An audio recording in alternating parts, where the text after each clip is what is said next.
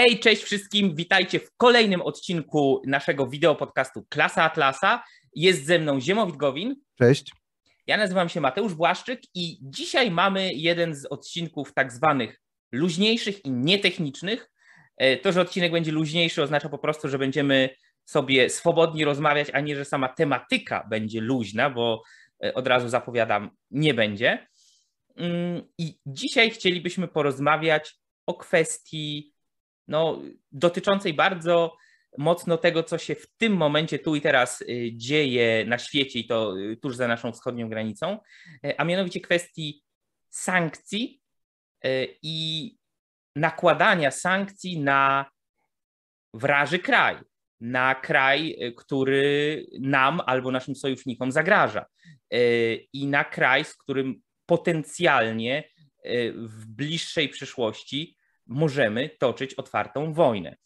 E, czy te sankcje są jakkolwiek uzasadnione, czy są nieuzasadnione, e, czy można mówić o słuszności sankcji, jeśli dotykają przede wszystkim społeczeństwa, tak zwanych zwykłych, normalnych, prostych ludzi, którzy niekoniecznie są tożsami, niekoniecznie mają takie same przekonania i takie same decyzje by podejmowali jak ci, którzy są e, aktualnie u władzy.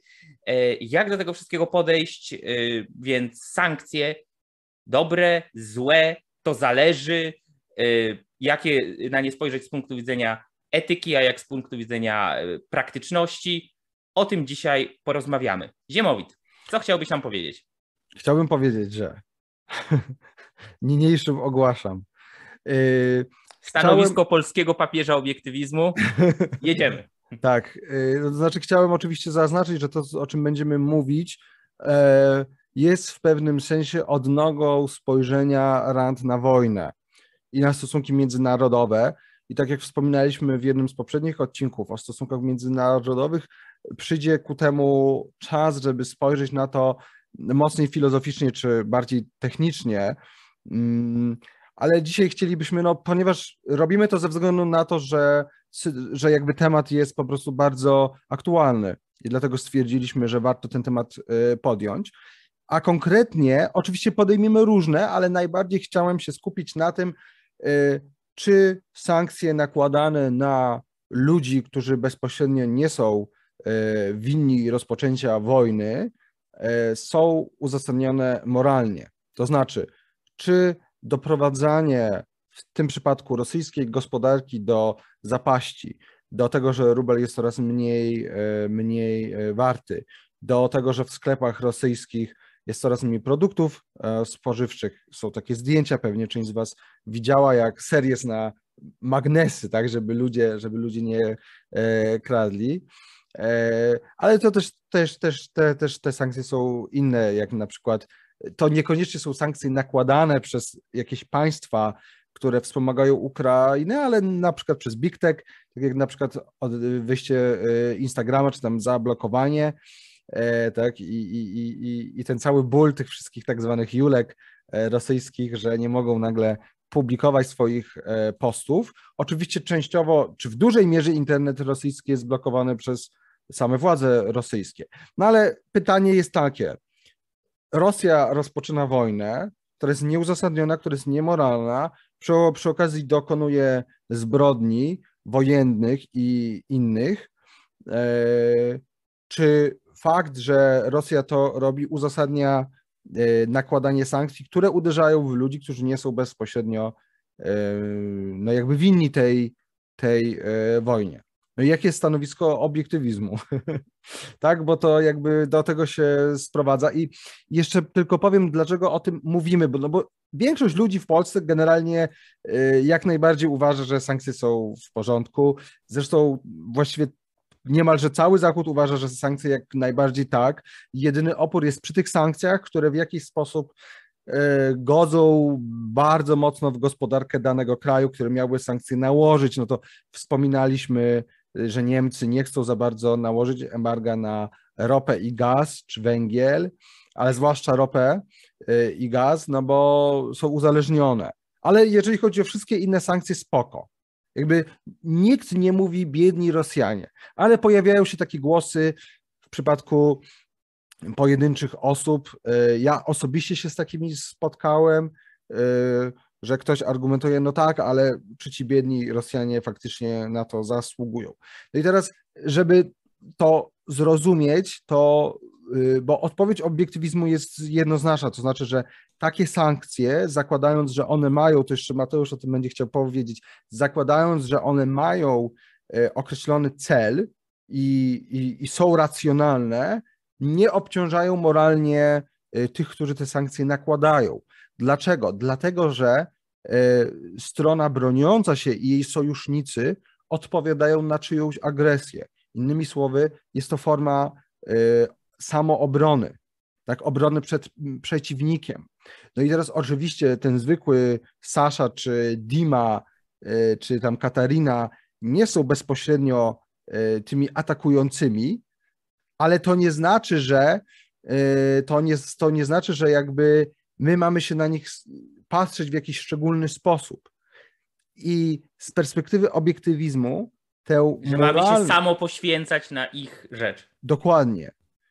Z perspektywy, z perspektywy obiektywizmu y, moralną odpowiedzialność za wszelkie niedogodności wynikające z nałożenia sankcji spoczywają na barkach tych, którzy wywołują wojnę, czyli agresorów.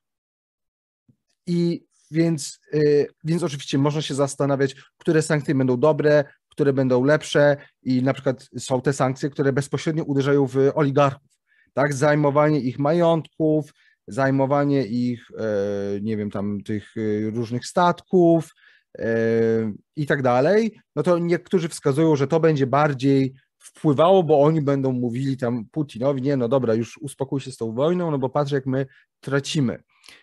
No ale oczywiście jest cały ogrom sankcji innych, gospodarczych, uderzających w całą gospodarkę rosyjską.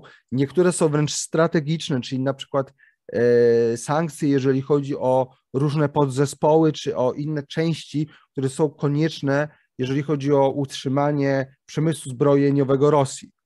No ale też cała masa innych, to znaczy argument jest po prostu taki. E, nakładajmy sankcje, żeby Rosja jak najmniej się wzbogacała. Im bogatsza jest Rosja, tym dłużej może E, prowadzić e, wojnę i tym dłużej może, i tym lepiej będzie się odbudowywać już po tej wojnie, tak? No bo jakby straty są ogromne, a nawet gdyby nie były duże, no to zawsze wojna bardzo dużo kosztuje. Więc im bardziej będziemy te sankcje nakładać, to nie tylko pokażemy, że jesteśmy z Ukrainą czy z jakimś innym naszym sojusznikiem, ale też bezpośrednio wpłyniemy na, e, na po prostu stan rosyjskiego państwa. I teraz to nie jest winą Zachodu, że rosyjskie państwo jest jakie jest. Dlatego Zachód nie jest obarczony tutaj moralnie, tak jak Mateusz, tak jak ty to powiedziałeś, tak? Że my nie mamy się samo poświęcać e, ze względu na tego Saszę, czy tego Dimę, czy tą e, Katarinę, tak? E, I co tu jeszcze chciałem powiedzieć? Chciałem jeszcze powiedzieć, że należy również zwrócić uwagę na fakt, że w przypadku Rosji my tak naprawdę mamy do czynienia ze społeczeństwem, które w dużej mierze tę wojnę popiera. I oczywiście częściowo jest to spowodowane, tutaj na pewno jest wiele czynników. Jeden czynnik, jeden pewnie z głównych, to jest propaganda, sączona od lat, ale taka, która wzmogła się teraz, zwłaszcza z zupełnym uniezależnieniem mediów od, y, no jakby od państwa.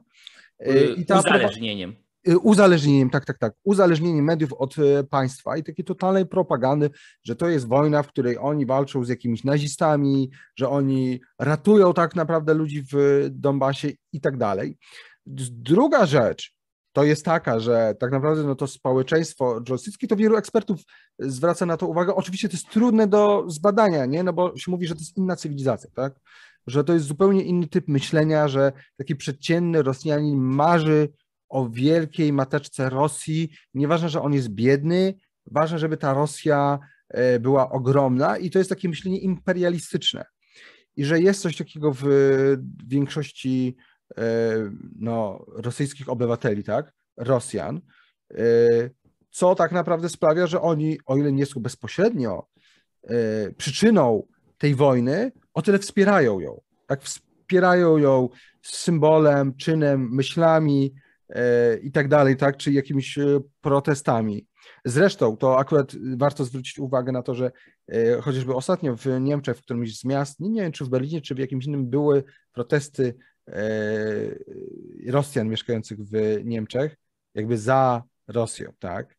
Oni mają dostęp do zachodnich mediów, tak? Oni nie są, oni nie mają sączeni, oni nie mają do głowy sączonej tej propagandy rosyjskiej, a mimo to no, bronią jakby tego, co robi e, Putin. I oczywiście, oczywiście są jeszcze ci Rosjanie, i to idzie w tysiące oczywiście, z tych, zwłaszcza z tych większych miast, tak, z Moskwy czy z Petersburga i z kilku y, innych, którzy myślą europejsko, znaczy myślą zachodnio i myślą, no nie, no to jest chore, to co się dzieje jest y, chore, Putin jest tak naprawdę dyktatorem, my go nie chcemy i my nie chcemy tej wojny.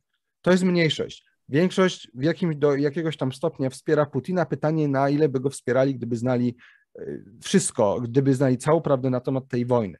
Ale istotne jest to, że niezależnie od tego, czy oni wspierają, czy nie, to i tak moralne y, jakby mm, ciężar moralny spoczywa na barkach rządzących Rosją, tak? czyli Putina i całej jego kliki. Nie na barkach Zachodu, nie na barkach tych, którzy się bronią i tych, którzy nakładają sankcje.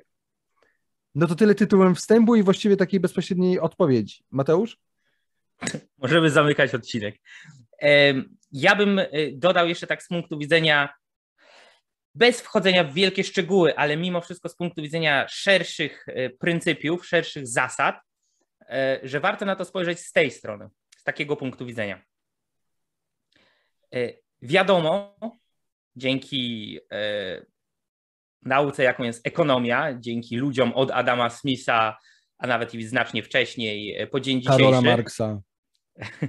że e, wolny rynek się opłaca, wolny handel międzynarodowy się opłaca, tak? E, globalizacja handlu opłaca i korzystają na tym obie strony, tak? E, jeśli jedna osoba sprzedaje drugiej jakiś towar, druga kupuje, bo go potrzebuje, no to korzystają obie strony. Mamy sytuację win-win. I podobnie jest z relacjami między krajami. Jeśli przedsiębiorca polski sprzedaje coś przedsiębiorcy niemieckiemu albo e, vice versa, e, nie ma tutaj do czynienia z żadnym e, wymuszeniem, haraczem albo z decydującą rolą ingerencji jakiegoś rządu, no to obie strony na tym zyskują. Jedna dostaje coś, czego nie miała, druga tak samo. Wobec czego mamy prosty wniosek, no na handlu ludzie się bogacą na handlu międzynarodowym, wolnym handlu międzynarodowym bogacą się całe społeczeństwa. Y, I to jest prosta zasada y, pryncypium wolnego handlu międzynarodowego. Nie zastanawiamy się za każdym razem, czy my chcemy wolnego handlu z Ameryką, czy my chcemy wolnego handlu z Czechami, czy my chcemy. Tylko tak, wolny handel jest dobry. Jeśli wchodzi w grę to, y, ta zasada, to pryncypium, super. Natomiast pytanie, kiedy ta zasada, zasada wolnego handlu e, w ogóle e, wchodzi w grę, a kiedy nie wchodzi w grę, kiedy jest nieaplikowalna i nieaplikowalna jest, bardzo krótko mówiąc, w sytuacji, kiedy mamy wroga, tak? Nie handlujemy z własnym wrogiem. Dlaczego? Dlatego, że jak powiedziałem, na handlu obie strony się bogacą, wobec czego my pośrednio wzbogacamy naszego wroga, który może wykorzystać to bogactwo do zwiększenia swojego arsenału i do tego, aby być jeszcze większym zagrożeniem. A już z całą pewnością nie handlujemy z wrogiem w czasie wojny, tak? E, zasada, pryncypium międzynarodowego handlu nie wchodzi w grę, e, kiedy 1 września 1939 roku e, trzecia Rzesza Niemiecka atakuje Polskę, tak?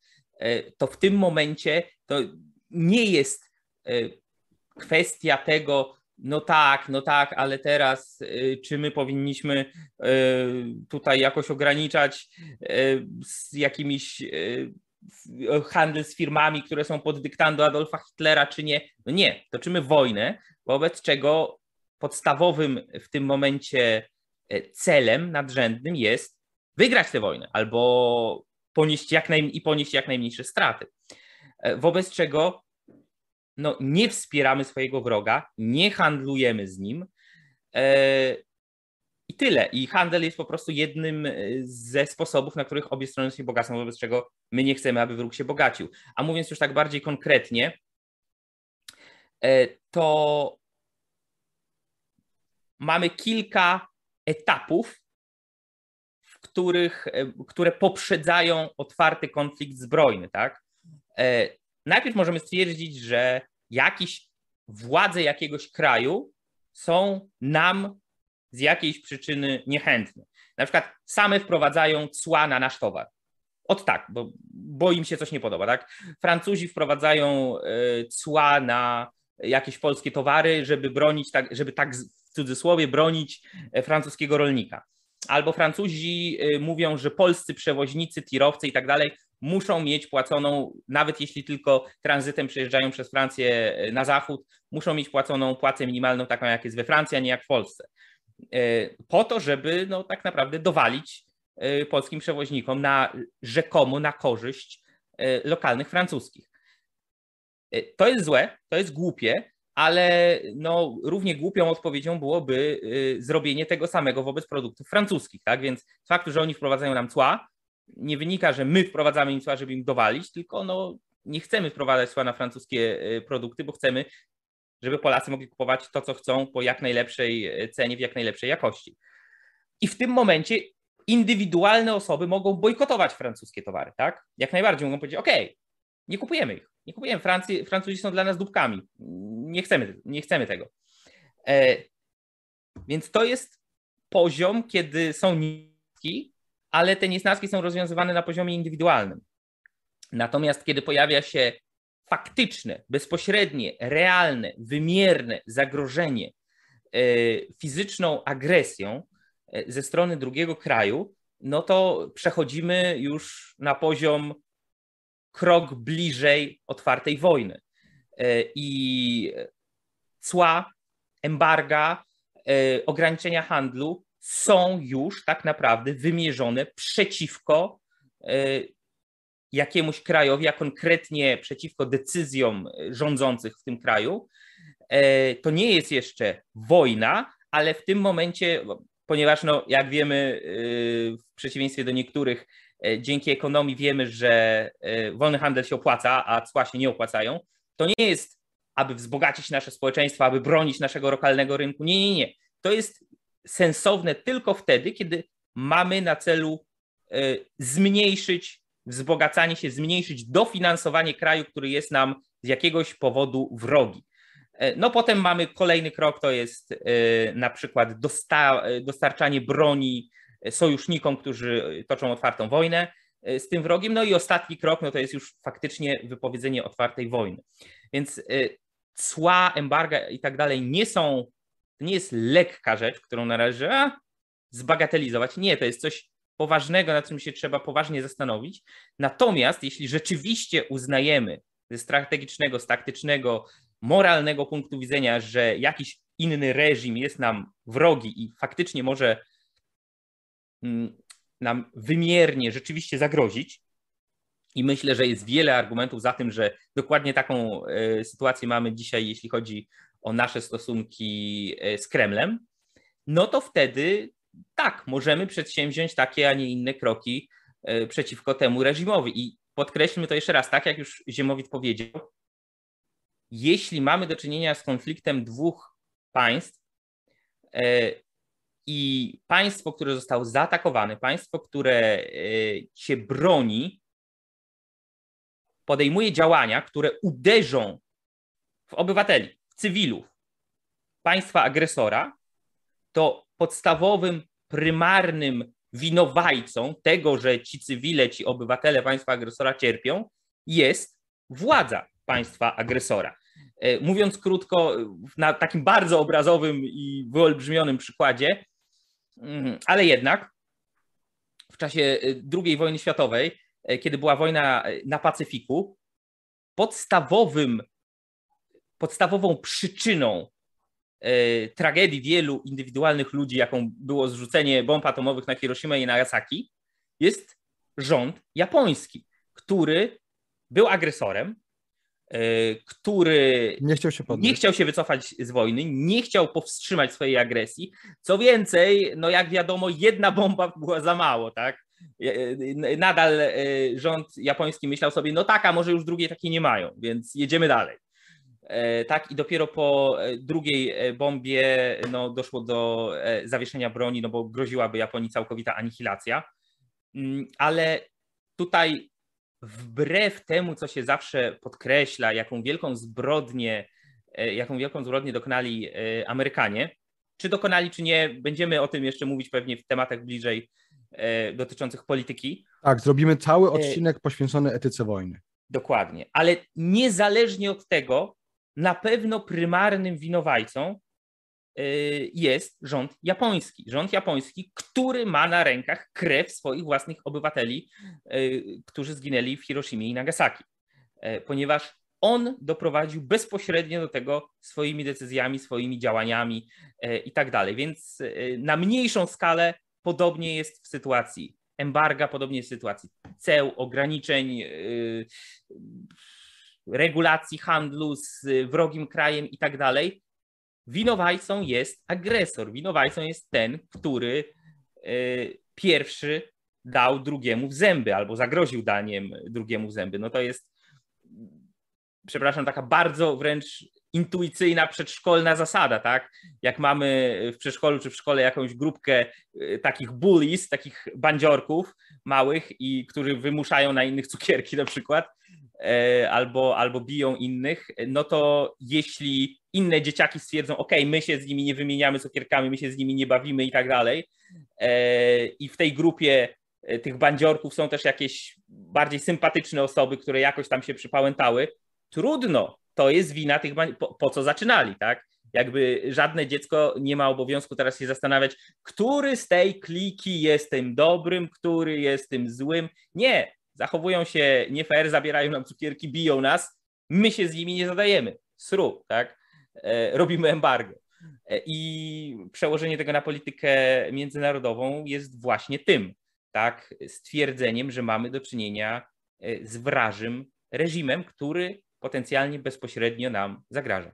Ja bym też to rozszerzył w ogóle na te sankcje sportowe i w ogóle na jakiś taki oddolny i nieoddolny, bo to jest wiele takich akcji oddolnych, że nie chcemy czegoś, e, jakichś występów Rosjan, którzy popierają Putina, bo to też to nie jest tak, oczywiście to byłoby absurdalne, gdyby ktoś teraz zaczął chodzić i szukać e, Rosjan, nie wiem, w Polsce i niezależnie od tego, co oni robią, nie wiem, w jakiś sposób chciał ich skrzywdzić, tak? To znaczy, ja bym powiedział, że to byłoby absurdalne, ale z drugiej strony zdarzają się już takie przypadki. Są takie no. przypadki, są absurdalne przypadki, które należy, że, aby nie było e, żadnych wątpliwości, które należy jednoznacznie oczywiście potępić. Przy, e, przypadki e, słownych, hejterskich albo bezpośrednio fizycznych ataków na Rosjan, Białorusinów, którzy nie mają absolutnie nic wspólnego z tym, co się dzieje i co więcej,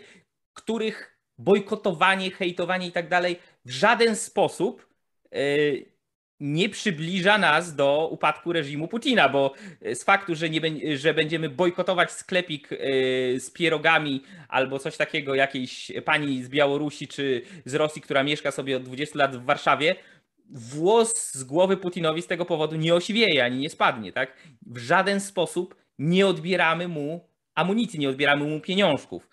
E, I dlatego należy rozdzielić te dwie rzeczy, tak? Czyli nakładanie sankcji albo indywidualny bojkot e, produktów kraju, który jest nam wrogi, e, ponieważ nie chcemy, aby on się bogacił, chcemy go przycisnąć tak bardzo, aby musiał wycofać się z wojny.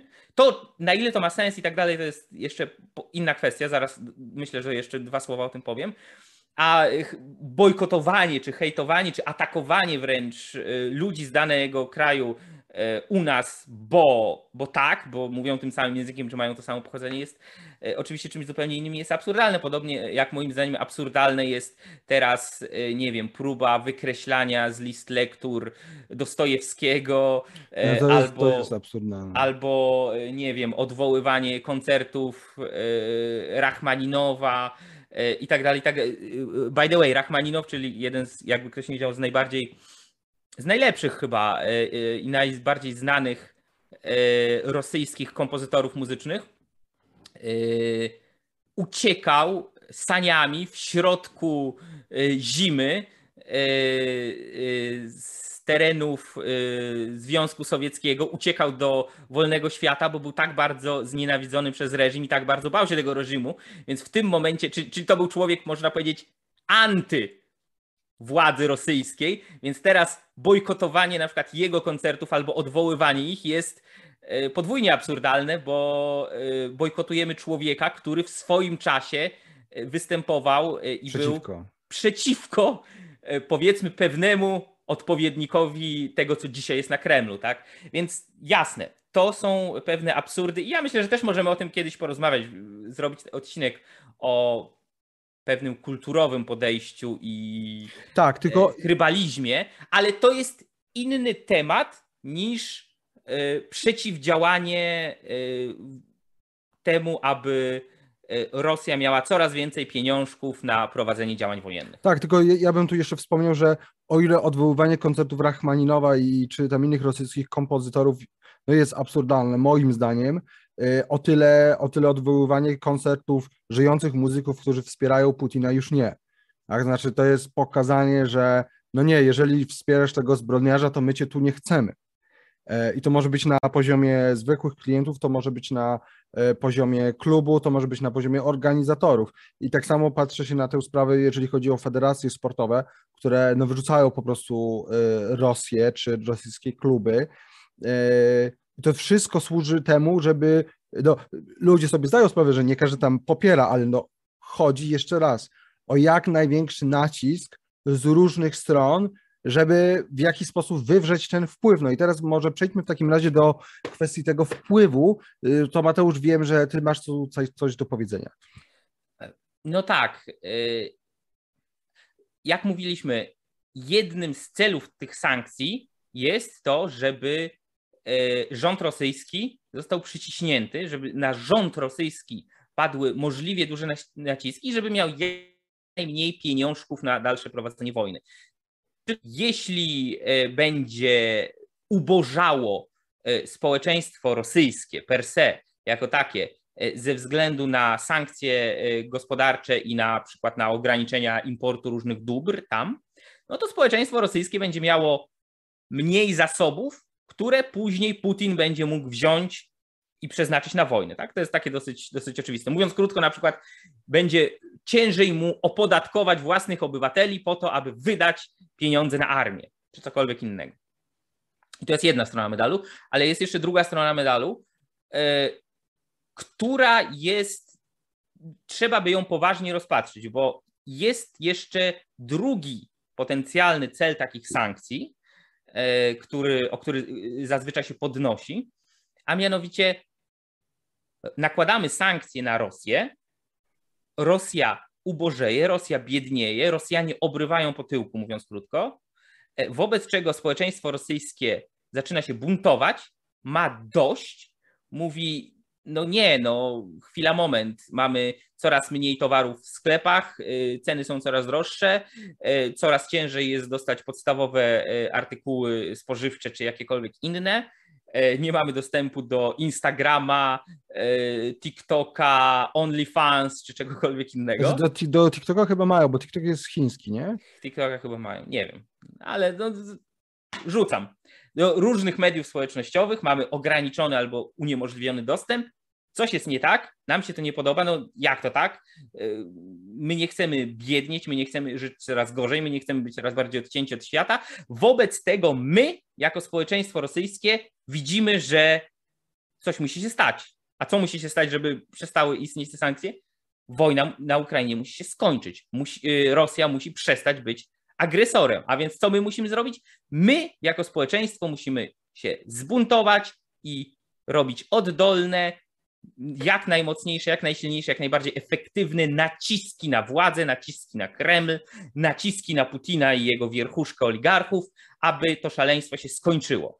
E, no i pomysł jest taki, że przyciśniemy Rosjan tak bardzo, że będą na tyle wkurzeni, że ich miłość do Putina, niezależnie od y, propagandy rosyjskiej i tak dalej, wyparuje i oni powiedzą: Niu, niu, niu, y, zły Putin, i musisz albo w tym momencie zakończyć tę wojnę, bo my chcemy wrócić do normalnego życia, albo my cię obalimy w ten czy inny sposób. I wszystko fajnie, tylko że jest pewien praktyczny problem z tego typu rozumowaniem, mm, który nie bierze pod uwagę różnic kulturowych, cywilizacyjnych, e, uwarunkowań historycznych itd. Tak I siły propagandy. I siły propagandy. A mianowicie ten problem, że e, nie każde społeczeństwo jest takie samo i e, stawianie znaku równości między społeczeństwem rosyjskim a społeczeństwami innych krajów, na przykład krajów Europy czy szeroko rozumianego Zachodu, jest błędne, ponieważ Ciężko powiedzieć, jaki będzie e, tutaj finał, bo no ja nie jestem, nie umiem wrócić z kart niestety, e, ale e, jest dużo oznak, że owszem, społeczeństwo rosyjskie jest niezadowolone, owszem, społeczeństwo rosyjskie widzi, jak te sankcje ich dotykają, ale ostrze gniewu wcale nie kieruje się w stronę Kremla, w stronę Putina i w stronę władz, tylko w stronę Zachodu. I e, są głosy tak zwanych zwykłych, prostych Rosjan, którzy mówią tak, no my teraz jeszcze bardziej popieramy e, naszego batiuszkę Putina, my jeszcze bardziej trzymamy za niego kciuki, no bo patrzcie, miał rację, Zachód jest zły, zobaczcie co on nam robi, nakłada nam sankcje i tak dalej. To mamy czarno na białym jasne potwierdzenie, że oni są naszymi wrogami i my będziemy piszczeć z głodu, ale nie dlatego, że Putin prowadzi wojnę, tylko dlatego, że Zachód jest zły, wobec czego tą wojnę trzeba prowadzić jeszcze szybciej, jeszcze prężniej, z jeszcze większą e, ilością środków, żeby ją wygrać e, i żebyśmy mogli postawić na swoim, a wtedy sankcje zostaną zniesione. E, więc jest też potencjalnie taki twist, jeśli chodzi o, o skutki zamierzone tych sankcji, jak to się wszystko oczywiście skończy i tak dalej, no to tak, ciężko powiedzieć. Ja... Ale, e, ale no po prostu trzeba brać to pod uwagę z punktu widzenia praktycznych skutków. Trzeba, aczkolwiek sądzę, no, że ponieważ i tak rosyjskie społeczeństwo w większości i tak już popierało tę wojnę jakby i w ogóle Putina, i tak ta propaganda e, działa. I, I tak mimo wszystko chyba mało kto, znaczy nie spotkałem się z żadną opinią eksperta od Rosji i od rosyjskiego społeczeństwa, który by twierdził, że jest szansa na to, że rosyjskie społeczeństwo oddolnie się zbuntuje, tylko jeżeli przyjdzie jakaś zmiana władzy, to odgórnie, czyli od wewnątrz tego środowiska e, Putina, więc ja bym tu powiedział, że o tyle to nie ma znaczenia, że tak naprawdę głównym celem sankcji jest to, żeby Rosja się nie wzbogacała i żeby też na przykład no, nie miała jakichś części czy konkretnych produktów, które potem są wykorzystywane no, już bezpośrednio do przemysłu zbrojeniowego na przykład. Yy, więc, więc, więc sądzę, że jest to ważne to, co powiedziałeś, z tym, że no ja uważam, że w tym kontekście to tak naprawdę nie ma, nie ma większego znaczenia, chociaż trzeba to brać pod uwagę. Yy, innymi słowy, ten argument, że Rosjanie się zbuntują, yy, no raczej się to nie zdarzy. Z wielu, z wielu przyczyn w, w, dużej mierze właśnie kwestia różnic kulturowych, też, nie, też niektórzy zwracają uwagę na to, że tak naprawdę poza Moskwą i Petersburgiem, mimo że jeszcze jakimiś tam kilkoma miejscami, Rosjanie są po prostu mega biedni. Więc też niektórzy mówią, że tak naprawdę te sankcje to aż tak wiele nie zmieniają, że Rosjanie są tak przyzwyczajeni do biedy, że trochę więcej biedy im niewiele jakby zmieni, a bardziej y, jakby uderzają te, te, te sankcje w samą machinę państwową. Ja uważam, to jest mój argument, moje przekonanie, że to powinien być główny cel i sądzę, że to jest główny cel. Y, rykoszetem oczywiście dostaje rosyjskie społeczeństwo. Być może, gdyby, gdyby nie było tej propagandy, być może by to wyglądało inaczej. Znaczy, gdyby była jakakolwiek alternatywa dla Rosjan wobec tej propagandy, E, to być może by to wyglądało inaczej, no ale to, to już jest gdybanie, tak? Jest jak jest. Ja zgadzam się już z Tobą, że to nie będzie miało większego wpływu na rosyjskie społeczeństwo i bardzo możliwe, że właśnie niektórych Rosjan przekona do tego, że jeszcze bardziej Rosja musi jeszcze mocniej walczyć i nie powinna się wycofywać, ale tutaj, tak jak powiedziałem wcześniej, tak jest ten element tego imperialistycznego myślenia, tak, tego marzenia o wielkiej Rosji, bez względu na to, czy jest mi dobrze gospodarczo w niej, finansowo, czy, czy nie. No, tak, to jest też taki argument w kontrze do um, takiego rozważania, które pozornie wydaje się sensowne, ale jak trochę poskrobać, to ma dużo dziur, e, czyli do patrzenia na e, Rosję, no bo założenie jest takie, już, już tłumaczę o co mi chodzi. Rosja jest największym terytorialnie krajem świata. Rosja e, pod postacią Związku Sowieckiego była supermocarstwem, co prawda na glinianych nogach, ale supermocarstwem przynajmniej militarnym w przeciągu XX wieku. No i Putin tutaj jest takim poważanym niemalże ojcem narodu przez Rosjan, tak, tutaj chciałby być drugim Piotrem e, pierwszym, czy kimkolwiek takim, e, może, może raczej Iwanem czwartym, ale tak czy jak, e, jest spojrzenie, no i oczywiście działa FSB, tak, mamy służby rosyjskie, jest spojrzenie takie, no oni tam głupich posunięć to nie robią. Oni tam błędów to nie popełniają, no bo supermocarstwo, albo nawet byłe supermocarstwo, albo mocarstwo regionalne, które pretenduje do e, czegoś więcej, nie może sobie pozwolić na różne e, głupie rzeczy, wobec czego wszystko, co robi, musi być w jakoś tam, leżeć w jakoś tam pojętym ich interesie jako całości. E, no tyle, że to nie jest prawda.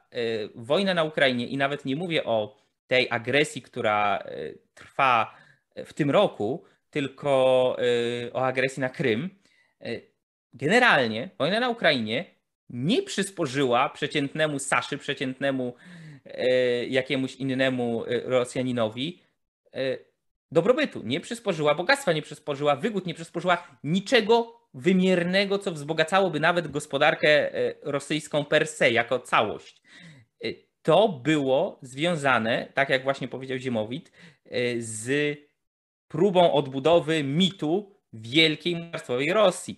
Z tym, że matuszka Rosja e, ma być wielka, potężna, wszyscy mają się jej bać i ma trzymać pod butem e, swoich przeciwników, nawet jeśli ja nie będę miał co do garnka włożyć i czym nakarmić swoich dzieci.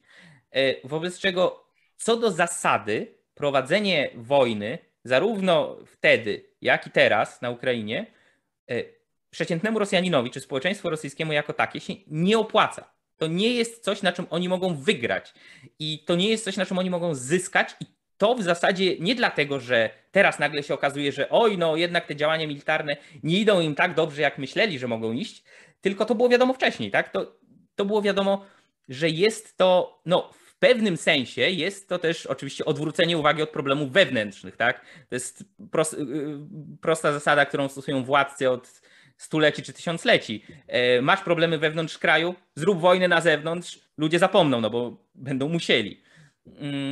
I tak dalej, ale y, programu jest taki, nie, Rosja nie jest krajem, który w każdym najdrobniejszym szczególe przemyślał te swoje działania. To jest wszystko zaplanowane, wykalkulowane, na zimno wyrachowane. To może być na, o tyle na zimno wyrachowane, że Putin stwierdził, że jemu, jako władcy Rosji, w danym momencie się to opłaca, ponieważ yy, ludzie będą się z tego cieszyć, bo matuszka Rosja wielka, ponieważ załatwi, ponieważ to są być może ostatnie momenty, ostatnie podrygi, kiedy jeszcze może coś takiego wielkiego zrobić, tak, a chciałby być tym Piotrem y, pierwszym wielkim i tak dalej. Natomiast no, y, warto tutaj obalić ten mit, że, że to jest na zimno wykalkulowane i opłaca się społeczeństwu rosyjskiemu i Rosji jako takiej. No nie, no nie. Ta wojna to jest coś, co trzeba twardo powiedzieć, jest niekorzystna.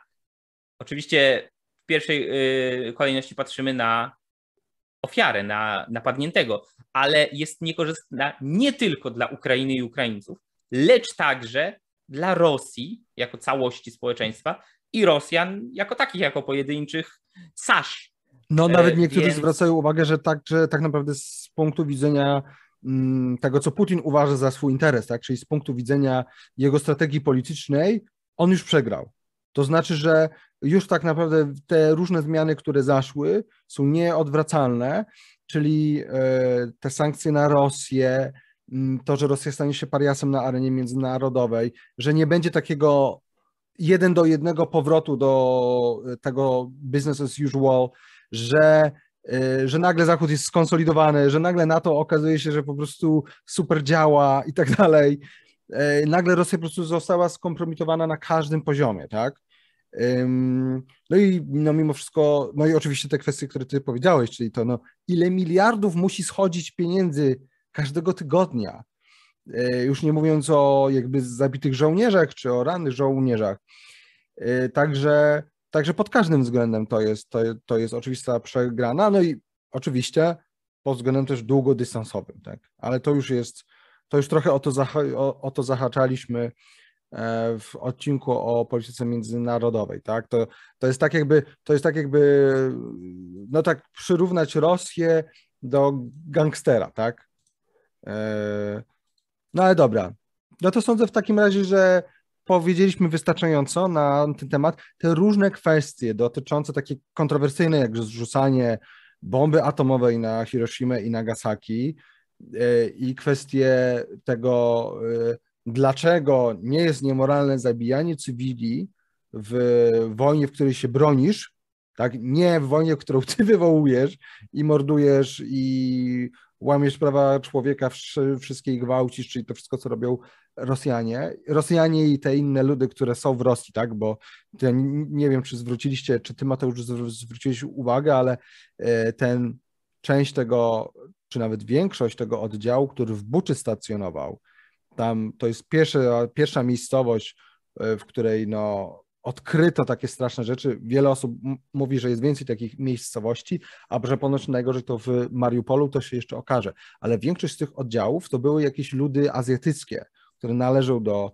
Federacji Rosyjskiej. Tak, no to jest w ogóle już inna rzecz, że e, Putin musi grać na bardzo wiele stron, bardzo wiele swoich różnych twarzy pokazywać, ponieważ Rosja jest tak niesamowicie różnorodna e, etnicznie, kulturowo i tak dalej, że jest bardzo mało tego spoiwa, oprócz silnej władzy Kremla i a, e, które wszystko to łączy. Dlatego no, nie od dziś, nie od wczoraj się mówi, że jednym z większych problemów władz e, na Kremlu jest to, żeby w ogóle utrzymać to państwo w kupie, Oczywiście. bo niewiele je tak naprawdę łączy. Tak, no i te kwestie tego, co, co, co już wiemy już od dawna, że te morale armii rosyjskiej są absurdalne.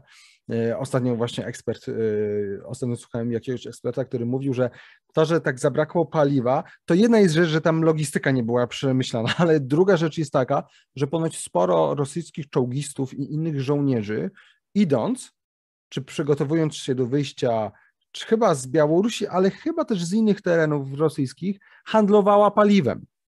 Handlowała pal paliwem i potem nie mogła dojechać tym cholernym czołgiem. No to ludzie, no przecież to jest jakiś po prostu absurd.